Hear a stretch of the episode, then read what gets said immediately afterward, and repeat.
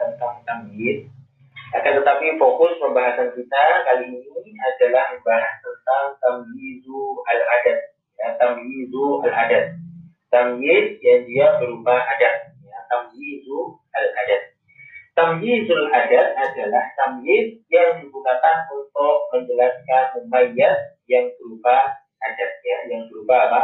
Adat. Mumayyaz yang berupa adat atau bilangan sehingga dikenal dengan tamyizu al-adat ya. Tamyizu al-adat Jadi tamyizul adat ini biasa dikenal dengan istilah mahdud nah ini istilah yang lebih populer.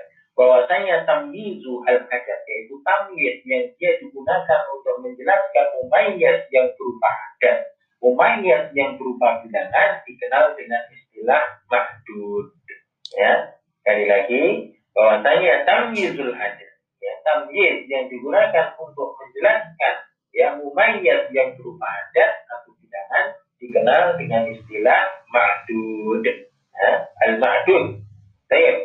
Sebagai contoh misalnya kita buatkan contoh istara itu salasina kalaman. Aku membeli 30 pena. Ya. Contohnya misalnya aku membeli 30 pena. Di sini salasina dia adalah adatnya. Ya, dia adalah adatnya. Kemudian palaman dia adalah maksudnya. Dia adalah apa? Maksudnya. Di sini mumayyaznya adalah mumayyaz adat, yaitu salasina. Ya, adat.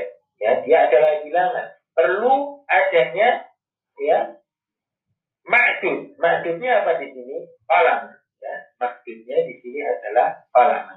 Nah ini kita kenal dengan makdul ya. Asalnya di ada tamyizu al adat ya. Tamyizu al adat tamyiz untuk menjelaskan apa namanya umayyad yang berupa adat kita kenal dengan istilah ma'dud istara itu salasina palaman aku membeli 30 pena.